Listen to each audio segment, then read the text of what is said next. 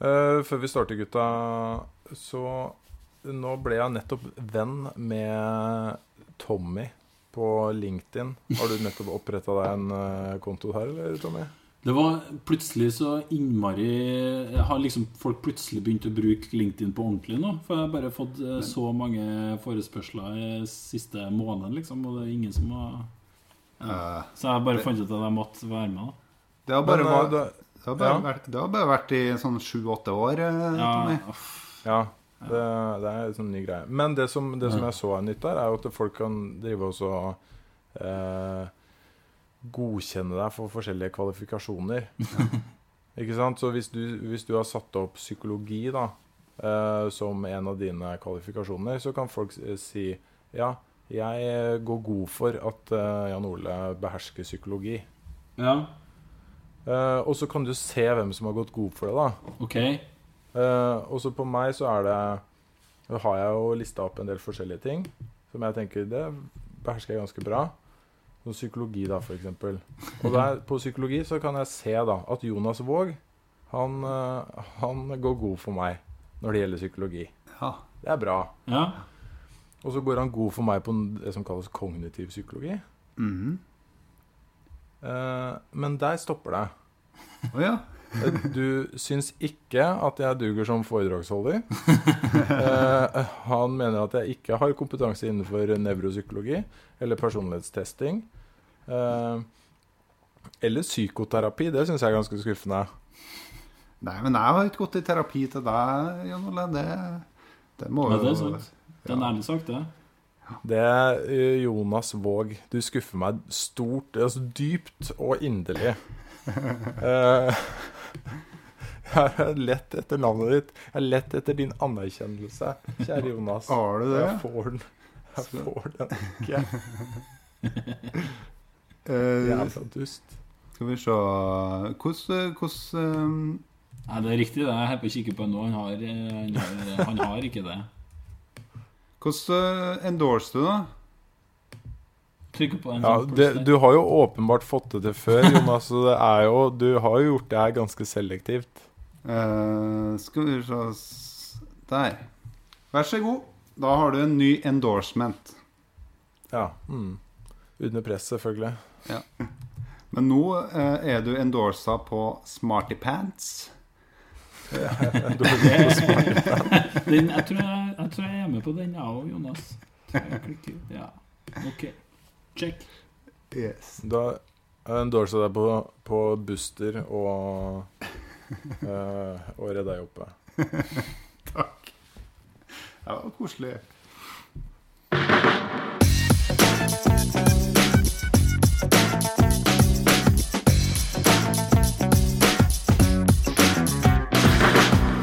Du hører på Psykologlunsj, populærvitenskapelig lunsjprat med psykologene Tommy, Jonas og Jan Ole.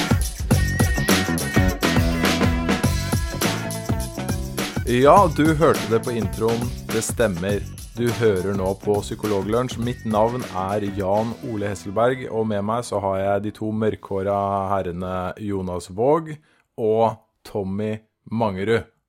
I dag så skal vi snakke om eh, barn, sukker og hyperaktivitet. Og så skal vi snakke om eh, dåning, eller besvimelser som det også gjerne kalles. Og om man kan dåne av redsel.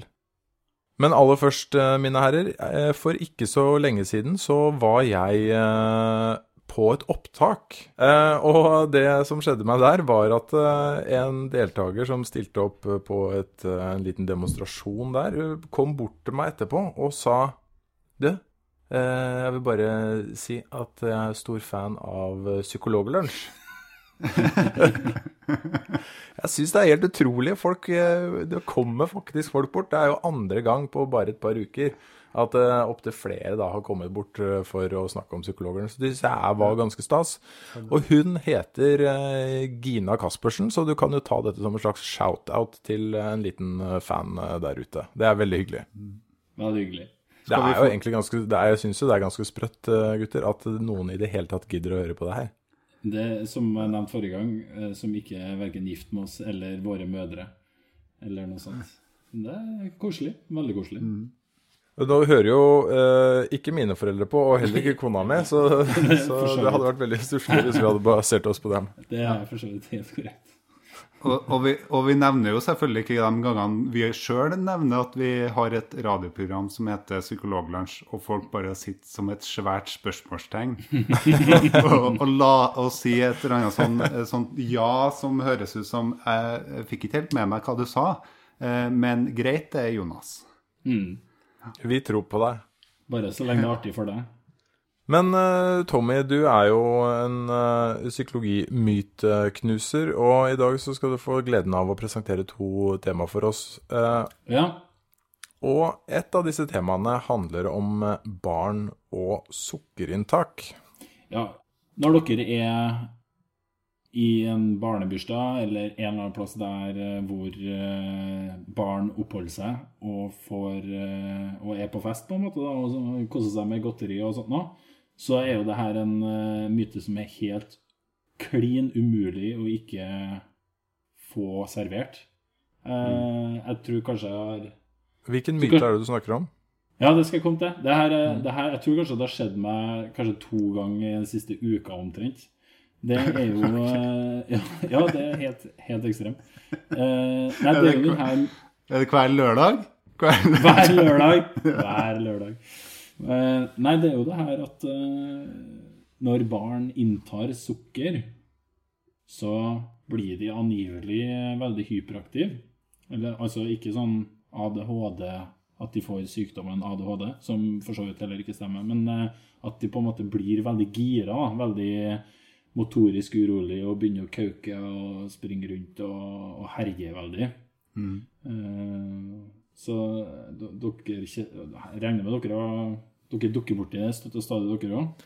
Har eh, vært borti det, ja. Og har også forsøkt å ta den diskusjonen noen ganger, og det er ikke så veldig det, behagelig. Nei, det er ikke det, det, her er, det her er en myte som folk ikke liker at man eh, påpeker, og de eh, tar ikke all verdens mengde med studier på, til altså. De, Den her holder de hardt ved. Ja, nå har vi allerede avslørt eh, at dette her er en myte, da. Hva kan du si om denne forskningen som ligger bak, eh, Tommy? Ja, eh, det var jo faktisk så lenge tilbake som i 2009 at jeg skrev veldig kort og veldig kjapt blogginnlegg på psykologibloggen om det. Eh, og han eh, godeste Gunnar Tjomli, som er vesentlig eh, mer habil og dyktigere myteknuser enn meg, har jo skrevet et blogginnlegg som, er, som går enda litt grundigere i dybden på forskningen som ligger til grunn for at vi kan si at det er en myte. da. Så det som er greia, da, er jo det at uh, man har forsøkt å undersøke det litt, da. Om det er sånn at eh, når man gir barn sukker, så blir de eh, mer hyperaktive, mer uh, utadvendte og, og gira. Og da har man, da har man, da har man måttet da tatt en gruppe med barn, og så har man delt eh, det, her det her er gjort flere ganger, det er flere studier på det. og Da har man tatt altså delt opp de barna i to grupper. Med en gruppe barn som får sukker, altså godteri, da, eh, med sukker i. Og så har den andre halvdelen av eh, barna fått eh, godteri som ikke inneholder sukker. Og så har man prøvd også gjort målinger, da, eller bedt foreldre for eksempel, da, eller folk som er til stede, om å angi hvor, hvor hyperaktive og hvor gira de her barna er. Og når de voksne ikke vet da hvilken gruppe som har fått sukker eller ikke, så greier de ikke heller å eh, gjøre forskjell på gruppene på hvor hyperaktive det er. Så denne, denne hyperaktivitet-opplevelsen, eller det skillet da, mellom altså det at man skal få sukker og at man da blir mer hyper, det er en, det er en, det er en fantasi i hodet til de voksne. Det er noe de, de ser eller de tolker at eh, er til stede. Er det gjort eh, flere studier på det, Tommy? Er det gjort mange, eller? eh? Det er gjort 16 studier Ja. på det. Sånne såkalt- såkalte sånn kontrollerte studier der man har delt opp barna i de her ulike gruppene, og, og de voksne ikke vet eh, hvilke barn som har fått sukker og ikke. da. Ja. Så når de, som sagt, når de ikke vet hvem som har fått sukker så greier de ikke å skille mellom dem. Og hvorfor? eh, Det er jo liksom eh, sikkert ganske overraskende for en del, da, som ikke kjenner til dette fra før av. Så Spørsmålet er jo selvfølgelig hvorfor eh, er det sånn at man kan tro at man kan oppdage det, men når det skjer i kontrollerte former, så klarer man det ikke. Ja, det er ganske interessant, for at eh, på det tidspunktet her, da, når jeg har sagt det her til folk, når vi har denne diskusjonen, så sier eh, mange ja, det kan godt være, men det gjelder ikke mitt barn. Det, for det vet jeg blir hyper når det får sukker. Eh, Ja, det har man jo sett, det har man jo sett med egne øyne. Det har man sett med egne øyne. Eh, har du, er det noen som eh, greier å tenke dere til det? Hva, altså, hvilken, hvilken situasjon er det barn får sukker, da? Ja, det er jo stort sett i eh, hvilestunden, er det ikke det? Ja, det er, det er kanskje det. det er når de, når det er i, til hverdags. Det skjer jo en del andre ting på en bursdag òg som kan påvirke atferd.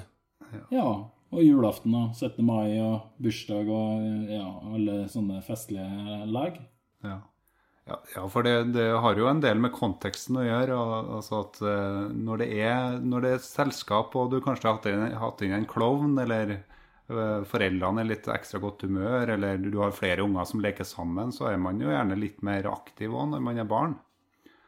Men, eh, men det er jo også Jeg tenker jo også Det er jo i andre settinger òg, ikke bare en bursdag. Eh, Men jeg kan se for meg at eh, foreldre kan jo finne på å gi bort godteri når de vil at ungene skal være litt stille og holde på litt for seg sjøl. Så at vi voksne kan sitte her og prate litt sammen og sånn. Eh, Ja. Litt smalltalk om hvor hyperaktiv ungene blir av sukker. Mm. og så plutselig så kommer ungene og plager og maser og kjaser da, mens man sitter og snakker smalltalk om været og sukkermyten og alt det der. Så, så det er det er et eller annet med at, eh, at eh, vi har litt vansker med å se konteksten rundt hva er det som påvirker barna våre. Og selv. Og oss selv, selvfølgelig. Nei, altså du, du, du nevner jo nettopp det, Jonas, at eh, man må jo tenke litt på kontrastene her. Altså ikke bare det at vi kan se sammenhenger der det ikke er noen, men, men kontrastene er ofte store mellom foreldrene som sitter på et bursdagsselskap, som eh, prøver å ha voksenprat og blir avbrutt av de gærne ungene sine. Men også de foreldrene som har vært hjemme og skal hente ungene sine. De har kanskje sittet og lest en bok og slappa veldig av. Og så kjører de liksom inn i løvens hule og skal hente en unge som er supergira på alle lekene som har skjedd, som har vært der, og, eh, og at de har fått godteri. Ikke, ikke nødvendigvis at de har spist, men at de har fått en gave som de vanligvis ikke pleier å få. Uh, og at de har vært sammen med veldig mange andre barn som har også vært gira. Så da, det er veldig eh, forsterkende. Og kontrasten mellom da den forelderen som vil ha litt ro, og det, den ungen, blir kjempestor og føles ekstra sterk da. Og så, og så kan man jo se for seg at enhver altså Når man har vært på en del bursdager som barn, da, så vil jo, vil jo det bare inntak av godteri vil jo være en påminnelse om, eh, om fest og moro. Ja, ja. Så at, eh, sånn at da, hvis man får da en dropseske foran, eh, foran Fantorangen, og det er veldig rolig i huset og sånn, så er det fort gjort at man eh, minnes på en eh, hyggelig situasjon. Så da kan det hende at barnets atferd påvirkes også av mer betinging, da. Men, men det er veldig viktig det her også, også mm, understreke at altså, når da de her, i de her studiene, når at eh, voksne bes om å vurdere forskjellen, altså både en gruppe som får sukker og en gruppe som ikke får sukker, så, så, så, så vurderes de som like hyperaktive. Sånn at det er, det er faktisk ingen forskjell på de to gruppene. Og, og der hvor man også lurer der, man da, der foreldre har inntrykk av at man får sukker det her, Nå har vi gitt barnet ditt masse sukker, og så er det bare løgn. Som er forresten en ting som alle sammen bør bemerke seg. Når du blir invitert med på et psykologisk studie, så blir du, eh, blir du mest sannsynlig lurt. på en eller annen måte.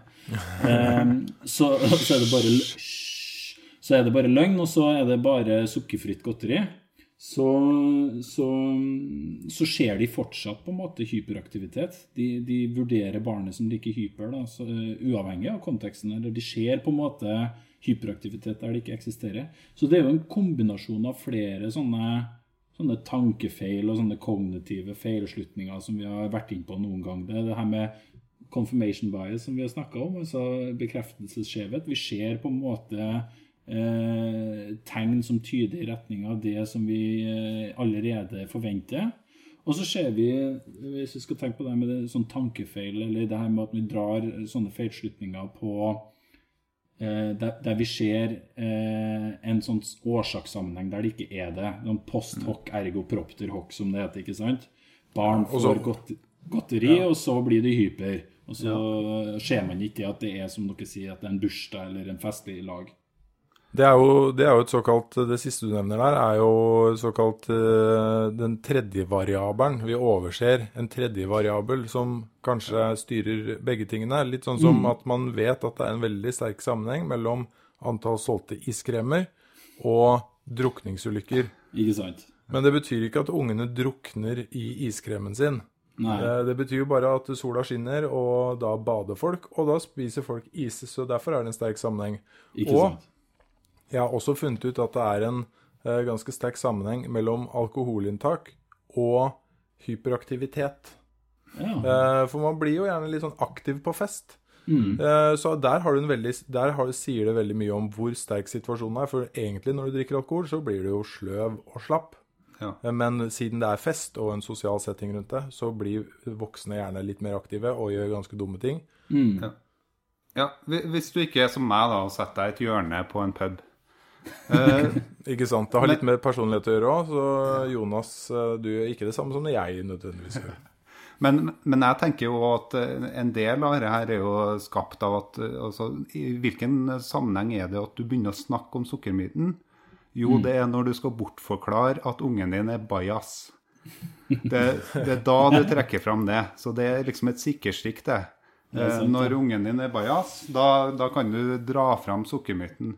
Det er derfor da det er derfor da at det ødelegger stemningen sånn i selskap hvis man skal dra fram det at eh, vet du, vet du, det er ikke sant? Ungen din er bare bajas. Det handler nok mer om oppdragelsesstilen din, kan du ja, si. Da, sånn at du får debatten ordentlig i gang. Men det er i hvert fall Det er nok en uh, Det er en myte som jeg tror ikke kommer til å dø med det første. Ikke en gang når vi har tatt det opp i Psykologlunsj. Det var veldig fint, eh, Tommy. Vi tar eh, og legger ut eh, linker til dette, selvfølgelig, så alle kan lese denne forskningen og bli, ikke bli overbevist, sånn som man pleier. Men du har i tillegg en annen ting i dag, Tommy. Og et spørsmål som jeg, og som helt sikkert dere har diskutert ganske ofte, er når man har pasienter som har en fobi eller sliter med panikkangst, mm. så hender det seg at de bekymrer seg for at de skal besvime. Eller at de i alle fall sier at de var nær ved å besvime. Mm. Og Tommy, det kan du fortelle oss eh, litt mer om. Ja, det er mm, også en ganske vanlig myte, da. Eh, at man har eh, denne opplevelsen, som du sier, at man blir veldig svimmel, og at man holder på å svime av. Men det er Altså, når det gjelder angst For det er det vi snakker om nå. Vi snakker ikke om folk som er syke eller som har eh, blodtrykksproblemer. eller sånt, Men når det gjelder det her å være i en situasjon som du får angst, eller at du har panikkangst, så er det relativt lite sannsynlig. Eh, og vi skal komme litt inn på hvorfor det. Fordi det er kanskje tvert imot eh, mindre sannsynlig at du svimer av når du har angst, enn når du sitter og eh, drikke kaffe eller eh, kose deg med House of Cards sesong to på Netflix. Så det er Men det er jo en sånn veldig vanlig ting. Jeg tror kanskje at eh, det er en av de en av de vanligste, eller i hvert fall en av sånn topp fem vanligste symptomene som eh, mennesker med angst kommer med da, når de er på kontoret. Eh, sikkert til dere òg. Ja, veldig, veldig vanlig. Og det er jo Det oppleves jo nok sånn uh, at man er veldig nær det punktet der man kommer til å besvime. Mm. Uh, men det henger jo sammen med litt andre ting. Mm. Så hvis du tenker litt på det hva, det her er jo et, tema som vi kanskje kunne ha brukt en hel episode på, men vi kan i hvert fall gi en liten teaser i tilfelle vi tar det opp. For det spørsmålet vi må stille oss først, er hva er angst? Angst er en eh, kroppslig respons da, på noe eh, som oppleves eller oppfattes som eh, truende. Ikke sant?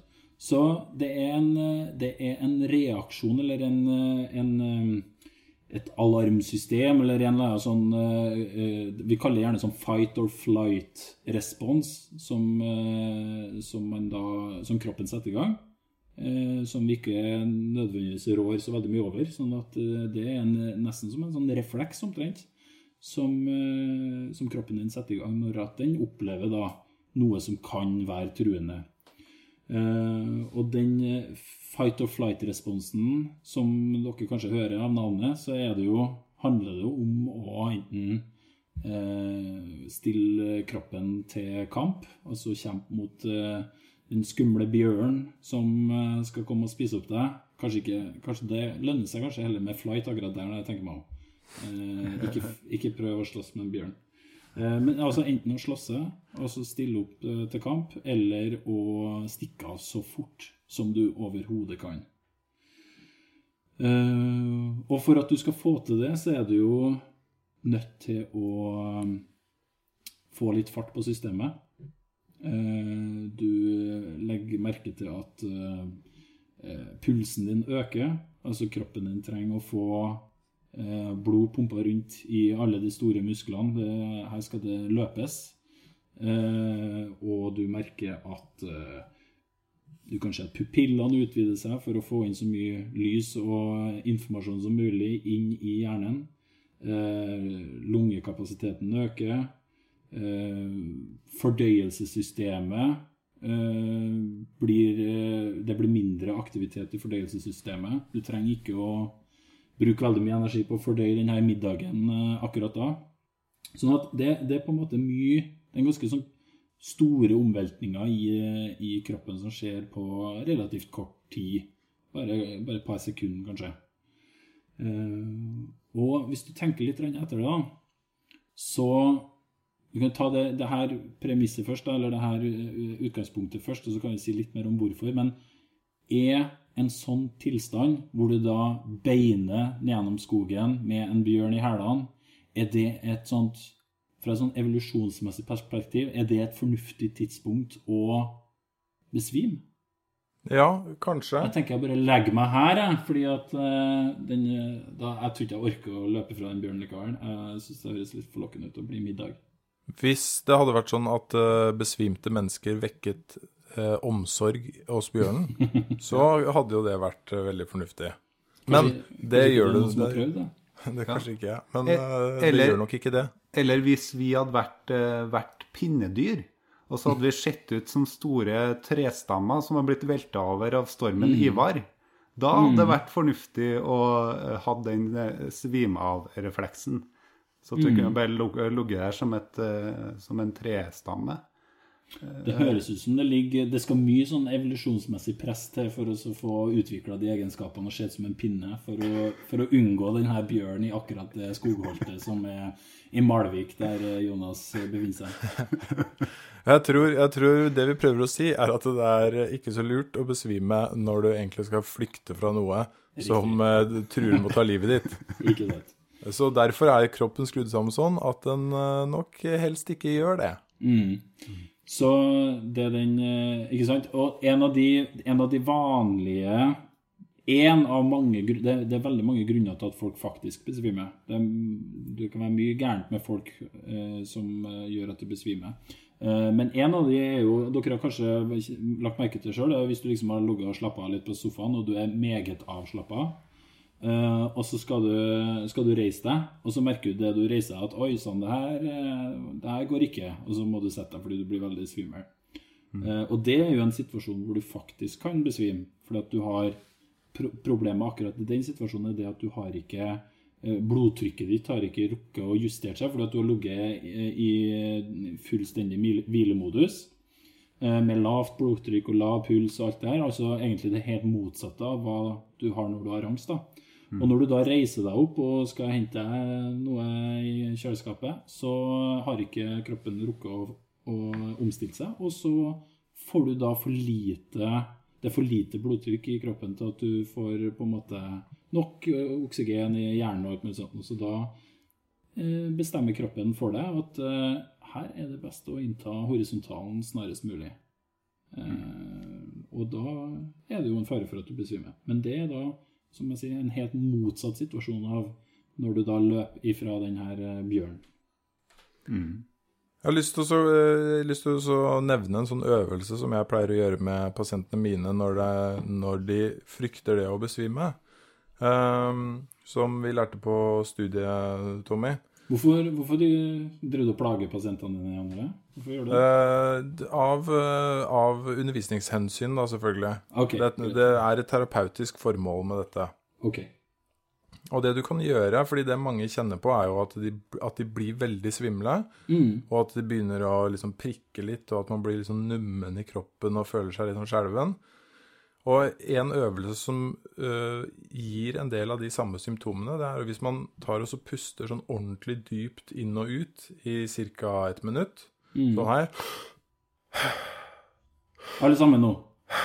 At man gjør det at man gjør det i ett minutt. Ja? Uh, og det som skjer da, det er at man blir ekstremt svimmel. Mm. Uh, og at man uh, også kan få litt sånn prikkinger og nummenhet og bli litt kvalm og sånne ting. Og at det, da føler man at man nærmer seg et punkt hvor man holder på å besvime. Mm. Men det som er greia, at, er at det er ganske lite sannsynlig at man gjør det. Uh, blodtrykket er høyt nok i utgangspunktet. Og kroppen liker jo ikke at du holder på å puste på den måten der, så etter hvert så klarer du ikke lenger å puste på den måten. Mm. Eh, og pusten vil roe seg, selv om du ikke prøver på det. Mm. Uh, og du vil uh, bli litt mer Få nor normalpust igjen, da. Bare for en sånn, bare sånn liten sånn ekstra informasjonsbit på akkurat det der. fordi at når man gjør det eksperimentet, eller hvis noen av dere hjemme prøver det, tester ut det sjøl, så eh, er det Hvis at du midt i den tungpustinga der bare plutselig holder pusten din Hvis du bare hvis du puster ut, puster ut all lufta du har i, i lungene dine, og holder pusten med all lufta ut, så kan du også faktisk besvime. For det er et sånt blodtrykksfall, raskt blodtrykksfall, hvor du går fra å ha ganske høyt blodtrykk til at du får veldig lavt blodtrykk ganske fort, og da kan du også gå i bakken. Og det er sånn det er sånn derre um, sånn der ungdomstriks som en del sånne eh, gjenger, ungdomsgjenger har drevet på med på fest og sånn, og, og lekt med sånne ting og har skada seg og alt sånt. nå. Så det anbefaler vi absolutt ikke at noen gjør. Men poenget mitt er bare at eh, fordi at um, du kan, selv om du prøver å forklare en pasient eller noen folk at du ikke kan svime av av angst, og du sier det her, så kan folk si at ja, men jeg har hyperventilert, og så har jeg svimt av, eller at jeg har et eller annet sånt nå. Og det altså, hvis du, bare, hvis du stopper å puste, som jeg sier nå, så kan du på en måte ha en sånn episode der du får et sånt blodtrykksfall. Men når du har angst, når du har et panikkanfall, som ikke du kontrollerer, altså sånn ordentlig angst som vi snakker om, der du, der du får den der fight or flight-responsen, så gjør du ikke det. For da er kroppen din i en sånn alarmberedskap og gjør akkurat det du sier nå, Jan Olav, at de holder på å puste til det normaliserer seg sjøl. For det er viktig. Et angstanfall gir seg etter eh, ganske forholdsvis eh, kort tid. Selv om det er ekstremt ubehagelig, så gir den seg. Så det, eh, det fortsetter ikke helt til du kreperer. Nei, det gjør det ikke. Men Tommy, det er jo et Ja. hederlig unntak eh, når vi først er inne på fobier, og vi sier at eh, i all hovedsak så forekommer ikke eh, besvimelser når man får et panikkanfall. Ja. Men det er én ett ordentlig unntak her, hvor besvimelser er veldig, veldig vanlig. Ja, eller kanskje ikke veldig veldig vanlig, men det kan forekomme. Og det forekom definitivt mer enn det, mm, det man kanskje skulle tro når at vi har snakka om det her med angst nå. da. Og det er noe som eh, kalles for enten, det, det, det er egentlig to undergrupper av det samme. Det er blodfobi, og så er det sprøyteskrekk eller sprøytefobi. For det har kanskje folk vært borti, at uh, du enten har hørt om noen, eller de sjøl har vært til til lege eller til helsesøster eller annet sånt og skal ha fått en eh, vaksinesprøyte eller tatt en blodprøve. Uh, og så har de følt seg ganske grønne, og så har de uh, enten svimt av eller eh, fått beskjed av, eh, av eh, det helsepersonellet til stede at her eh, tror jeg du skal bare legge deg ned. Eh, og det igjen er egentlig ikke så rart, hvis at man bare eh, går litt dypere i det på en måte evolusjonært Eller det evolusjonistisk fornuftige i det. Altså, som, med det mener jeg jo det her at vi så at vi har på en måte utvikla adaptive eller hensiktsmessige eh, måter å forholde oss på og handle på for å sørge for at vi best At vi overlever, og at vi har eh, Og at vi, eh, at vi lever videre, da. Eh, og dersom Du kan tenke deg sånn Hvis at du Dersom du eh, har eh, skada deg veldig stygt eh, Du er ute på tur i skogen, og så snubler du og detter på en stein. Skarp, spiss stein. Og så skjærer du deg ganske kraftig i armen eller på kneet. Så først har du skada deg veldig stygt, og så går du i skogen og snubler og faller på en stein og skjærer deg? Nei, du, du må gå først i Ja. skogen. Og først skada jeg deg stygt, og så Nei, nei, først Hør nå, nå må du følge med. Ole. Først, først så går du på tur i skogen. Det må, det må ikke nødvendigvis være en skog. Og så skader du deg veldig stygt, og så spruter blodet ut av ja. Din underarm. Eh, det igjen er et sånt tilfelle, en sånn situasjon, en tilstand, hvor det er fornuftig å innta horisontalen snarest mulig. Ja, for da er det ikke så lurt å få masse adrenalin i kroppen og kjempehøyt blodtrykk og Og springe som om det er en bjørn der. Ja, det er ikke så lurt. Det er ikke så lurt, for da, da, går, da går du jo tom. Da, da, forsvinner alt blodet. Så da er det best å, å få blodtrykket ned og få pulsen ned og bli helt blek og samle alt blodet i, i mage og i langt unna der hvor du blør, og bare eh, sats på at eh, du ikke blør. Satse, og satse på at det kommer en snill eh, bjørn øh, og, og passer på deg. Som tenker at 'Å, den her pinnedyra har skada seg så stygt'. Nei, det treet har skada deg stygt. Tre skader. Uh, Det skulle, det skulle ha vært laga sykkelhjul på, og, eller bilhjul også, på menneskelig DNA. Sånn at når det blir hull i sykkelhjulet, eh, så får jeg ikke lufta ut. Men, Ja. men dekket klarer adaptivt å, eh, å, å tilpasse seg til, eh, til det at man har fått et eh, hull i mm, dekket sitt. Som igjen gjør at det ikke får noe luft ut. Bremse fort, stoppe, legge seg for. Og venter på en bjørn. Et sånn genmodifisert hybridhjul som, eh, Ja. som Ja. okay. Der, hvis det er noen fra, fra Gløshaugen og Sivinga eller et eller annet sånt som driver på med produktutvikling, så, eh, så er dette her en idé, da. Jeg, jeg kan gjerne være andreforfatter på den eh, artikkelen, hvis dere bruker den ideen. Det er veldig bra. Så sånn er det. Det er to-tre sånne myter som eh, er verdt å tenke på, som er litt underholdende og også litt informativ. Det, jeg har bare lyst til å slenge det til en liten ting akkurat med blodfobien der. For jeg har jo opplevd det at eh, jeg har hatt eh, behandlet noen for blodfobi, og hvor de faktisk har besvimt. Mm. Um, uh, og det var et resultat av litt dårlig kommunikasjon mellom meg og hun som skulle ta blodprøven. Ja. Eh, øh, vi var ikke, det var ingen av oss som tok helt uh, styringa på situasjonen. Og det man kan gjøre, da, bare som et lite tips, hvis man merker det, det er også å dytte Hvis man sitter da, sånn som hun gjorde, er å ta hodet sitt ned. Sånn ordentlig ned, langt ned mellom beina. Uh, sånn at du får uh, blod opp til eh, hodet ditt. Mm. Det er et godt tips. Mm.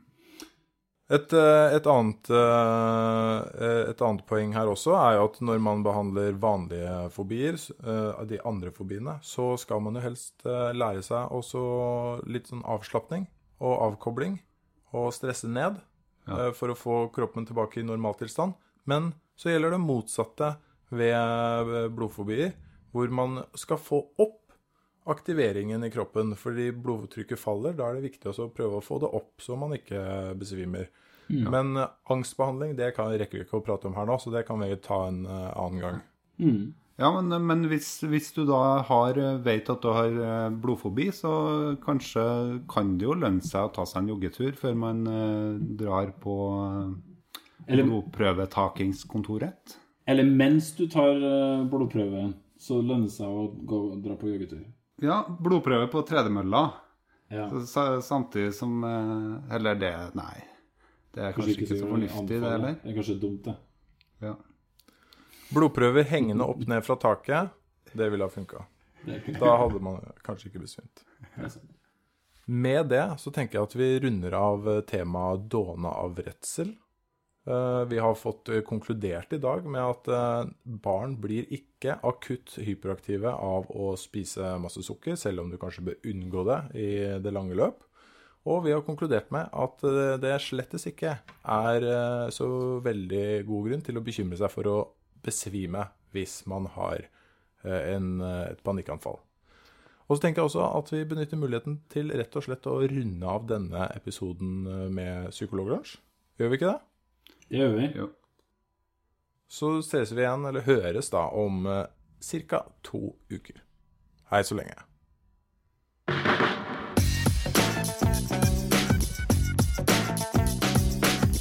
Du har nå lytta til Psykologlunsj.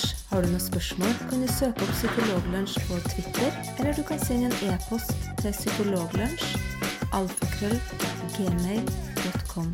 Mer informasjon om temaet du har hørt i dag, finner du på psykologibloggen.no og tankesmed.no.